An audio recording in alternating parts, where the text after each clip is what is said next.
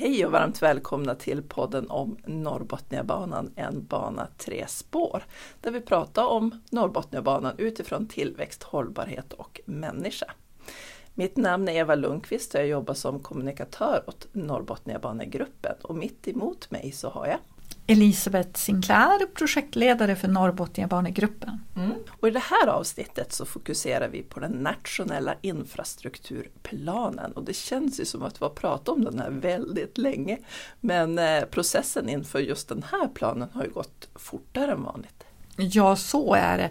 Det här har vi gjort på två år istället för det vanliga tre till fyra år.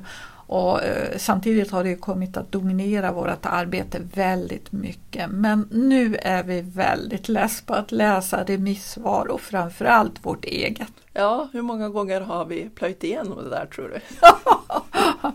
och alltid hittar man några förbättringar så nu, nu vill vi inte ta fram det igen. Mm. Nej, nu är det inskickat och klart för vår del. Och nu väntar vi ju då ett regeringsbeslut i juni om hur den nationella infrastrukturplanen ska se ut mellan åren 2022 och 2033.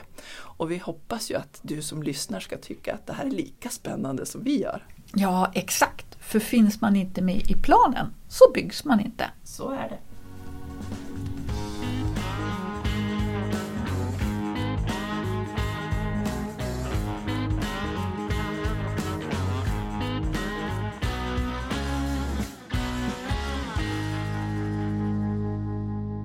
Innan vi går in och börjar beskriva vårt remissvar så kan vi ju nämna att det är ju inte bara vi som har lämnat in, det är ju en hel del andra aktörer som har synpunkter på infrastrukturplanen.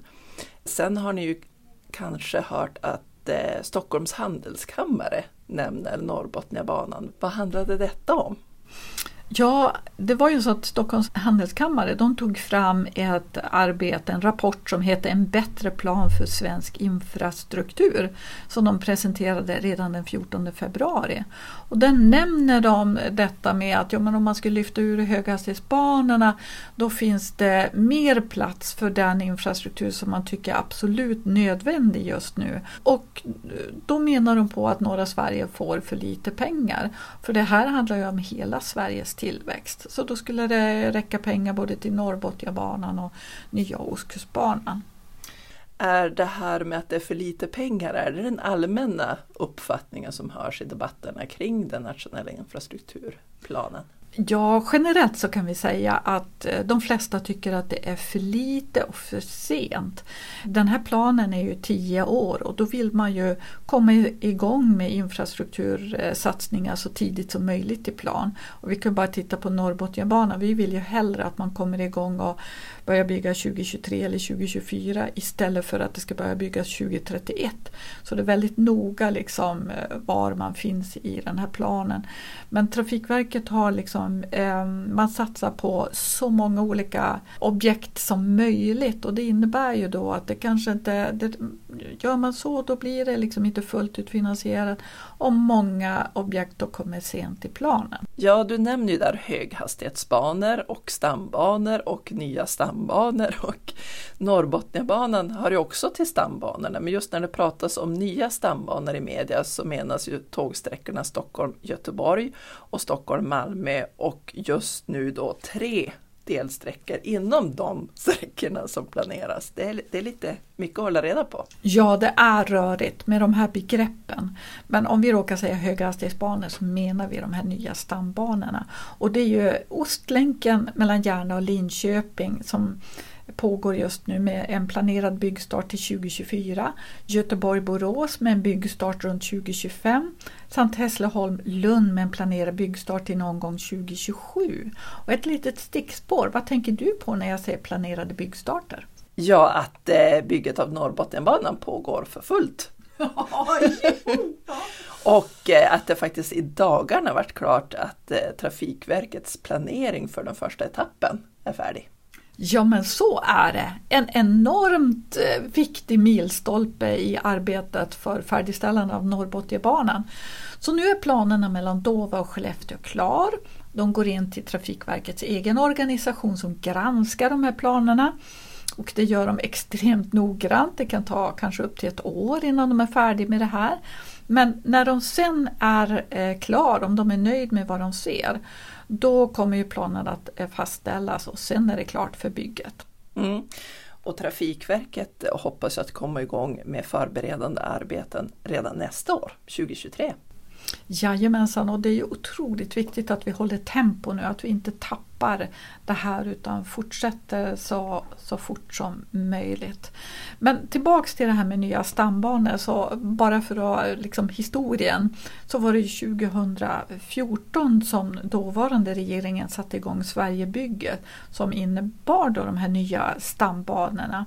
Sen kom det ju ett val och så fick vi en ny regering som tyckte att det här var en bra idé och döpte om det till Sverigeförhandlingen och så fortsatte arbetet och så kom det ju nyare siffror på kostnaderna för de här nya stambanorna som sköt i höjden och det blev väldigt, eh, vad ska jag säga, eh, upprörd stämning nästan.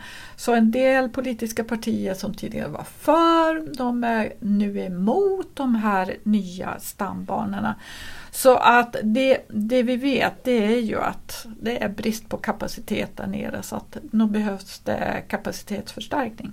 Ja, det behövs ju en hel del, men jag tänker att vi nämner ju inte de här nya stambanorna i vårat remissvar väl?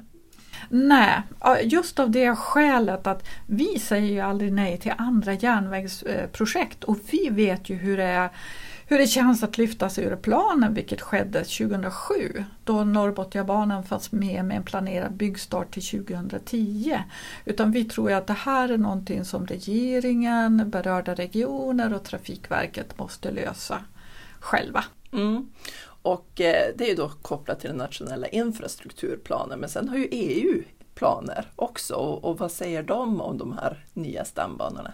Ja, då ligger ju de med färdigställande till 2040 tror jag att det var. Medan vi då som ligger i eh, det europeiska stomnätet för järnväg då, och numera i stomnätskorridoren ska vara färdiga till 2030. Så där ligger vi ju lite före. Och med vi så tänker vi Botniska korridoren där Norrbotniabanan ingår. Tänk att man kan ju förtydliga. Ja precis, och vårt systerprojekt och Nya Ostkustbanan bland annat. Så är det. Ja, vi nämner inte de nya stambanorna i vårt remissvar, men däremot så har vi en punkt gällande just hastigheter i vårt järnvägsnät. Hur fort kommer det vara möjligt att köra på de här nya stambanorna om vi jämför med vad man kan att kunna köra på Norrbotniabanan? Ja, punkten handlar ju om att Trafikverket själv har tittat på om vi skulle få till ett eh, järnvägsnät för 250 km i timmen från norr till söder och det vore ju eh, fantastiskt. Det är ju verkligen det vi efterfrågar. Och när vi jämför oss med de nya stambanorna så är det ju så att det är bara på en del sträckor på nya stambanorna som man kommer att komma upp i över 300 km i timmen. Det är ju på de sträckor då som är eh, riktigt raka och få stationslägen. Men så fort man vill ha stationer och det blir lite alltså, mer kuperad terräng då kan man inte hålla de där höga hastigheterna. Men jag tycker att 250 km i timmen är nog så bra Ja, alltså oss. vill man åka fortare kan jag fråga ja, men det, det räcker långt. Ja. Mm. Hur man bygger järnvägen avgör ju alltså hur fort som det är möjligt att köra på spåren. Ja, så är det. Och där finns det ju lite olika tekniker. Ett som kallas ju att man bygger ett slab track spår och där är spåren fastgjutna i betongen. Men sen har man ju det vanliga konventionella sättet att bygga med ballast och under sliprarna och och rälerna precis som vi ska bygga då på Botniabanan. Så att med ballastspår så kommer man upp i typ 250 km i timmen och, eh, men så kan man köra fortare med den andra varianten. Just det, men eh, det, det är ju själva spåren ja. som man liksom gör, möjliggör hastigheter. Men tågen ska ju kunna klara av att köra så fort också. Ja precis. Och där är det ju, alltså vi ser ju en enorm utveckling på, på tågsidan. Och ja, det finns ju väldigt många spännande program att titta på när det gäller Jag antar att du plöjer sådana. Ja, inte riktigt men alltså det var ett som var ruskigt spännande som handlade om tågutvecklingen i Frankrike. Mm. Där vi har de här höga hastigheterna och då TGV som kommer upp i 320 km i timmen. Men från början när man planerade dem där så var det inte med el utan man tänkte sig då att det skulle vara, de skulle drivas med gas och då behövde man bränsle för att skapa energi. Och det skulle man då använda olja till. Men sen kom oljekrisen 1973 och det känns ju så märkligt när jag vet att vare sig du eller Mattias var född då. Jag föddes faktiskt precis då. Ja men se där, ja, fast det är inget du minns. Nej. Men eh, för en annan så var ju den här oljekrisen väldigt, alltså jag har ju ordentliga minnen från där jag hade precis börjat på hög, äh, mellanstadiet. Och ehm, då var det ju så att eh, tv-sändningarna släcktes ju ner vid nio eller tio tiden på kvällen. Så det var bara att gå och lägga sig då. Mm. Ja men i vilket fall som helst, då övergick man till elektricitet för att driva de här tågen. Och då kommer man ju upp i, i ganska höga hastigheter. Och en del säger så här, Shinkansen, alltså de kommer ju upp i hastigheter över 500 km i timmen, då, de japanska tågen. Och det var redan 1971. Men de tågen har ju egna spår. De här TGV då, de ska ju kunna trafikera både enskilda spår men också spår där det går då godståg fast då kör de inte så fort. Men det är ju liksom ett ett trick, eh, tricky här på samma sätt som vi har. Vi har ju både gods och persontåg Mm. som ska gå på samma spår så där är det lite Ja, lika. precis. Och som de då ska köra olika hastigheter Ja, också. Precis, och sen efter de här TGV så kom ju de här eh, AGV-tågen och de går ju nu på, eh, ja, jag tror att det är runt eh, ja, över 300 kilometer i timmen och hela tiden så fortsätter man ju liksom att öka de här hastigheterna. och samtidigt så, ja, då är man uppe i halva hastigheten av ljudet. Mm. Ja, alltså det, och, och, och det som är spännande med den här tågutvecklingen det är ju då liksom att om man bara fokuserar på hastighet då får man problem. För jag vet till exempel när man testkörde då höga hastigheter då på eh, svensk järnväg så i tunnlar så blir trycket så stort så att plötsligt så kunde det börja poppa ut en dörr ur tåget. Så att det blir man- lite så rörpost... eh, Ja, Mm. precis. Så att, så att det är ju oerhört komplicerat. Men en dröm är ju att utveckla tåg för de konventionella banorna. Mm. Eftersom vi har så mycket sånt. Jag åkte faktiskt ett sånt här TGV-tåg när vi var på tågluff i Ja. Frankrike. Eh, och när man tittar ut att eh, landskapet svischade väldigt snabbt förbi. Man ska inte ha, ha lätt för att bli åksjuk, tänker jag, i de där hastigheterna. Och är det så att du som lyssnar undrar, vem är Mattias? Så kan vi ju säga att han är våran ljudtekniker. Ja, och, och utan honom skulle vi inte klara det här. Så är det. Men eh, vilken spännande tågutveckling! Så är det. Kära lyssnare, hör ni? Tåg. Åh, kan vi inte bara prata om tåg? Jag blir så inspirerad att jag börjat elda i mitt gamla ånglok jag har här på barngården. Hör så härligt det låter när jag eldar. Så mysigt att sitta här en gråmulen dag i värmen med nygräddade bullar från ugnen och kaffet. Mm. Ah. Ånglok är genialiska. Principen för ett ånglok är ju att man kokar vatten för att få ånga. Och tänk att av en liter vatten i ångloket kan jag få, jag får se nu, över tusen liter vattenånga om jag eldar på bra. Men vänta lite nu. Nu har jag tagit en halv liter av detta till mitt kokkaffet och sen gräddat bullarna i ugnen. Hur mycket ånga har jag kvar då? Onko ska vi se. No, måste ni tänka efter. Ja, jag ska säga så här. Lagom mycket för att ta mig till Jörn. Med både nykokat kaffet och bullar. Över till Elisabeth och Eva. Vilket proffs jag är. Ja, du, eh, bullar och kaffet, det lät inte dumt. Och en varm lokförarhytt, låter inte det mysigt? Ja, jag visste inte att det vart så där mycket ånga av en liter vatten. Man lär sig något varje dag. Ja, men det är ju därför han heter vår allvetande lokförare. ja, precis. Om vi nu går in på vårt eget remissvar så skickade ju vi, och då menar jag Norrbotniabanegruppen och Norrbotniabanan AB, tillsammans ett, ett remissvar till regeringen. Och om man ska dra den riktigt korta versionen av det så kan man ju säga Intensifiera, finansiera och tidsbestäm. Mm. Ja, det var just de tre punkterna som var tryckt extra på. Intensifieringen till exempel nämndes ju redan i januari 2019 i den sakpolitiska överenskommelsen mellan Socialdemokraterna, Centerpartiet, Liberalerna och Miljöpartiet som är mer känt som januariavtalet. Och eh, i punkt 27 i det avtalet så står det att planeringen för bygget av Norrbotniabanan i sin helhet ska intensifieras.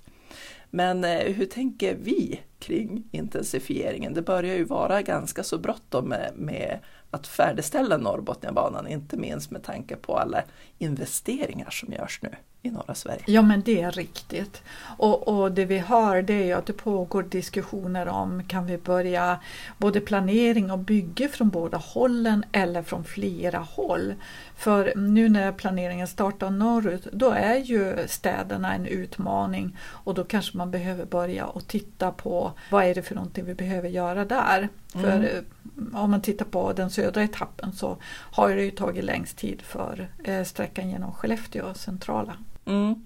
Om vi då tänker riktigt norrut till Luleå, där finns det ju två infarter av korridoren, så att säga, ett västligt och ett östligt alternativ. Och där har ju Trafikverket valt det västliga alternativet men vill pröva det östliga alternativet om det inte påverkar sjöfarten negativt. Ja, och vi som har då varit suttit med i den här gruppen, den regionala intressentgruppen, som uh, har jobbat sedan 2019 där vi har plockat upp gamla förslag på lösningar, prövat dem och fått lägga ner dem och titta på nya förslag på lösningar. För vi vill ju verkligen inte inverka menligt på Malmporten. Men vi vet ju hur svårt det är och nu så är det ju så att Trafikverket har tagit över allt arbete i och med beskedet från regeringen om att starta planeringen norrut. Och nu kommer de att pröva tillsammans då med Luleå kommun, Luleå hamn och Sjöfartsverket. Och kan man hitta en, en eh, möjlig lösning med en öppningsbar järnvägsbro. Mm. Och om du som lyssnare är nyfiken på de där utredningarna så finns de på norrbotniabanan.se Luleå. Men som du säger, nu kommer ju Trafikverket att börja med planeringen där. Mm. Det är ju alltid utmaningar när man ska dra en järnväg i centrala delar. Jag tänker på nu när man tittar på bygget som är igång i Dova. Det är ju stora maskiner som bygger järnväg. Mm, så är det. Och så att tänka att man ska få in det i, i de centrala delarna. Du, du nämnde Skellefteå här och jag tänker även i, i Piteå. Där är det ju inte två alternativ av järnvägskorridorer. Men det är alltid en utmaning ändå att bygga där det är trångt. Ja men så är det. Och, och där kan man ju titta både på Umeå och Örnsköldsvik eh, när bygget pågick. Eh, så det blir ju, det kommer att märkas mm. när bygget drar igång i, i städerna. Men även om det går en järnväg då genom städerna sedan eh, tidigare och eh, om den nya järnvägen hamnar i samma sträckning så ska det ju till en ny underbyggnad av järnvägen och det är ju för att det blir högre ställda krav både på vibration och buller när man bygger en ny järnväg. Så att det är ju utmaningar bara i sig. I Umeå när man gjorde den nya underbyggnaden av järnvägen nedanför sjukhuset till exempel. Då hade man ju lastbilar som, stannade, äh, som startade varannan minut för att forsla bort de gamla massorna under ett antal dagar. Och eh, då hade man ju alla lastbilar nästan från eh, Norrbotten och Västerbotten Oj. för att klara av det här. Så det är ju en logistik i sig. Men sen kommer ju det här väldigt märkliga att um, när man tittar på Umeå idag, det känns ju som järnvägen alltid har funnits på det sättet genom staden. Och vad skulle vi göra utan Botniabanan idag? Men det är så svårt att föreställa sig innan hur det kommer att se ut när det är klart. Mm. Och jag tänkte, du, du var ju med på hela resan med Botniabanan Ja, och såg ju kaoset och nu den färdiga järnvägen. Så Ja. att, eh, jag tänker att, att, att vi som bor norr om Umeå kanske ska besöka den bara för att ha en målbild när vi Ja. hamnar i, i, i kaoset som kom, faktiskt kommer att vara innan det kommer att bli ruggigt bra. faktiskt. ja, absolut. Ja, nu har vi pratat om utmaningarna kopplat till intensifieringen och byggandet av Norrbotniabanan. Ja, alltså det låter ju bättre med utmaningar än kaos. Ja, det gör det faktiskt. eh, det är ju lite mer ordnat kaos egentligen, men man kan ju uppleva det kaotiskt. Ja, precis. Men det kommer att bli bra. Ja, ungefär som en storstädning. Ja, men så är Kaos det. från början, sen blir det jättefint. Men, men om vi då ska prata om, vi har ju den tredje punkten, finansiering. Vad, vad, vad ser vi för utmaningar där? Ja, vi säger ju det att resursbehovet måste lösas i sin helhet för hela banan. Utmaningen, finns det folk? För som vi har nämnt, de här nya stambanorna, deras projekt kommer ju att pågå samtidigt. Men vi måste också få en finansieringslösning på plats för hela banan. Mm. Och jag tänker, vi pratade ju om Botniabanan tidigare. Till den så lånar man ju pengar, kan man inte göra det i det här fallet också? Alltså jag tycker att det var en genial lösning för själva byggprojektet eftersom projektet kunde ha god framförhållning och göra jättebra upphandlingar och sköta marklösen på ett synnerligen bra sätt. Men den här lösningen har inte uppskattats då av alla utan en del tycker då att man har bundit sig med stora lån för lång tid framöver. Fast vi är också många som ser att det är en viktig investering för kommande generationer. Mm. Och jag tänkte, vi nämnde ju den allvetande lokföraren tidigare, att man lärde sig så mycket. Jag tror vi ska lämna över ordet till honom. Tack för ordet Elisabeth och Eva. Jag har i egen hög person lämnat ett förslag på finansieringslösning för bygget av Norrbotniabanan i ett tidigare avsnitt och det öppnar ju möjligheterna för ett snabbt färdigställande av hela banan. Min idé är att vem som helst kan få vara fadder till en meter järnväg för en slant. Om alla betalade 100 kronor för en meter järnväg, och vem skulle inte vilja göra det? Skulle vi få ihop, vi tar fram miniräknaren här, 15 miljoner 600 000 kronor. Himmel och pannkaka så mycket pengar. Enligt min mening kan vi börja bygga från Luleå till Piteå och tvärtom. Då borde vi bli klara till... Ja, just det. Nu glömde jag ju planeringen och sen ska det ju byggas från Skellefteå. Eh, ja, just. Får se. Miniräknaren här igen. Om vi sätter in eh, tusen gubbar och gummor som jobbar med projektet. Äsch, nu glömde jag samråd och länsstyrelsernas arbete. Fast för länsstyrelserna har man ju redan föreslagit att det ska få mer pengar. Så det kan ju inte vara någon match. Men med alla resurser i mina beräkningar skulle bygget av hela banan vara klart eh, igår. det skulle vara klart igår! Där ser man. Hade man bara utgått från mitt finansieringsförslag, då hade vi varit klara igår. Eller ett par dagar senare. Tänk att man ska behöva göra allting själv. Över till Elisabeth och Eva. Kan inte han få sköta tidsplaneringen själv? Ja, tänk, att, tänk om Norrbotniabanan hade varit klar igår. Ja men alltså det väcker känslor. Ja, verkligen. Starka känslor. Men eh, det där för oss ju osökt in på ytterligare en punkt som vi hade på med i vårt remissvar, just tidsbestäm och målår för Norrbotniabanan. Vi brukar ju säga att, att Norrbotniabanan ska färdigställas i närtid till 2030 med tanke på att det är ju det årtal som, som EU har satt för det europeiska stomnätet. Och i det europeiska stomnätet så ingår Botniska korridoren och i Botniska korridoren ingår Norrbotniabanan.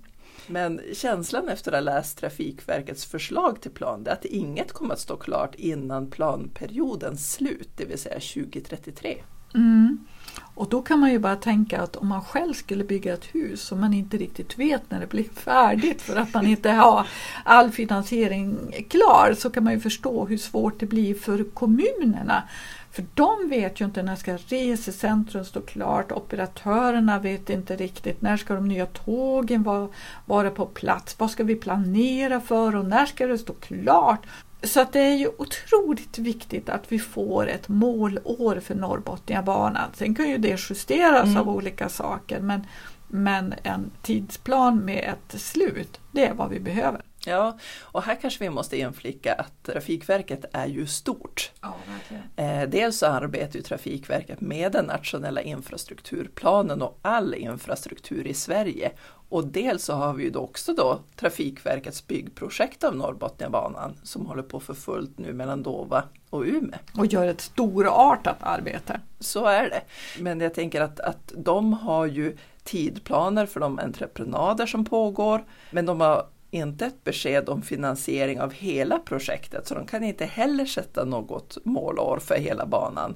Där har vi som en gemensam uppgift. Ja, och det är ju det vi kommer att försöka jämka oss ihop för det är inte så lätt eh, för allmänheten att förstå, ja men de säger det och de säger det men vi, vi kommer att jämka oss till ett, ett eh, gemensamt målår men vi behöver svar på de här frågorna då. Så vi får se vad det står i den nationella infrastrukturplanen i juni. Ja, vi hoppas det är något målår där. En tanke, fanns det något målår för Botniabanan? Ja, det fanns tidigt. Mm. Och det var ju för, i och med att man lånade pengar så Just då hade det. man alla pengar på plats. Så från allra första början så tror jag kan det ha varit 2005 och sen tror jag att det blev 2007 och sen så blev det då 2010 och alla de här delarna det hade dels att göra med att vi fick den nya den då nya miljöbalken som gjorde att man var tvungen att göra ett omtag. Och sen också hade vi en svår prövning då genom Umeälvens delta. Så att, mm. Men mm. då, hade man, då visste man i alla fall, vi siktar på det, kommer vi klara det, då kan man justera det. Men, men att inte ha någonting, nej, så att eh, då hoppas vi att det finns bra med finansiering för Norrbotniabanan i planen så att man kan sätta ett målår. Exakt. Sen tar vi även upp vikten av samarbeten kopplat till projektet och som vi nämnt tidigare så investeras det ju så otroligt mycket i de två nordligaste länen just nu. Det tror jag inte har undgått, undgått någon. Mm. Eh, och mitt i all den här samhällsutveckling och samhällsomvandling så ska Norrbotniabanan byggas som i självt är ett enormt samhällsutvecklingsprojekt. Så då gäller ju att vi samarbetar på alla nivåer. Ja, vi ska ju verkligen försöka hitta alla synergier mellan de här projekten och det är ju även Peter Larsson, regeringens samordnare för de större etableringarna i norr som trycker på detta. Mm. Och ett bra exempel på samarbete det är ju accelererad grön omställning i Norrbotten, alltså som förkortas AGON, som drivs av Länsstyrelsen i Norrbotten tillsammans med Luleå kommun. Och det här är ju för att effektivisera och framförallt snabba på regeltillämpning i tillståndsprocessen processerna. Och, och i AGON här så ingår ju exempelvis berörda kommuner och H2 Green Steel och LKAB, Trafikverket, Sjöfartsverket, Länsstyrelsen med flera som är en del av tillståndsprocessen för att effektivisera då utbyggnaden av svenska kraftnät. Så att det här vore ju föredömligt om, om det här arbetssättet kunde då användas också i arbetet med Norrbotniabanan för att vi ska få en en eh, snabbare framdrift av projektet. Mm. Ja, det är ju viktigt just att, att kunna samordna processer. Det, det i sig intensifierar ju. Mm. Men jag tänker ju även eh, faktiskt, det, det är ju ett visst antal människor som jobbar med projektet på, på alla möjliga olika nivåer. Mm. Att kunna samordna och synka gör ju att man kanske mäktar med också, för det är ju mycket som ska göras. Ja, men, ja, men så är det. Och det är liksom, jag tror bara att vi kommer att se alla de här samarbetena att växa framöver. Mm. För eh, det är så mycket som vi behöver planera för när banan tas i drift och, så att vi nyttjar den så effektivt det bara går. Ja, och på tal om att hinna med och intensifiera. Du brukar alltid skriva en bloggtext kopplat till varje poddavsnitt. Hinner du med det till imorgon Elisabeth? det var ju det ja. Ja men självklart så är den klar. Mm. Ja, då har jag nämnt att bloggen kommer att skrivas och den hittar ni på norrbotniabanan.se. Där brukar du sammanfatta avsnitten i sin helhet och även brukar vi lägga ut länkar där. Sen så har vi ju även tidsaxeln på webben också där du kan följa vägen mot ny nationell infrastrukturplan. Det roliga med den det är ju att det bara är en box kvar nu. Ja! Och det är regeringens beslut. Exakt. Mm. Mm. Men eh, tills nästa gång vi hörs så önskar jag er en eh, trevlig vår trots allt som händer runt om oss. Så är det. Sköt om er. Mm. Hej då! Hej då!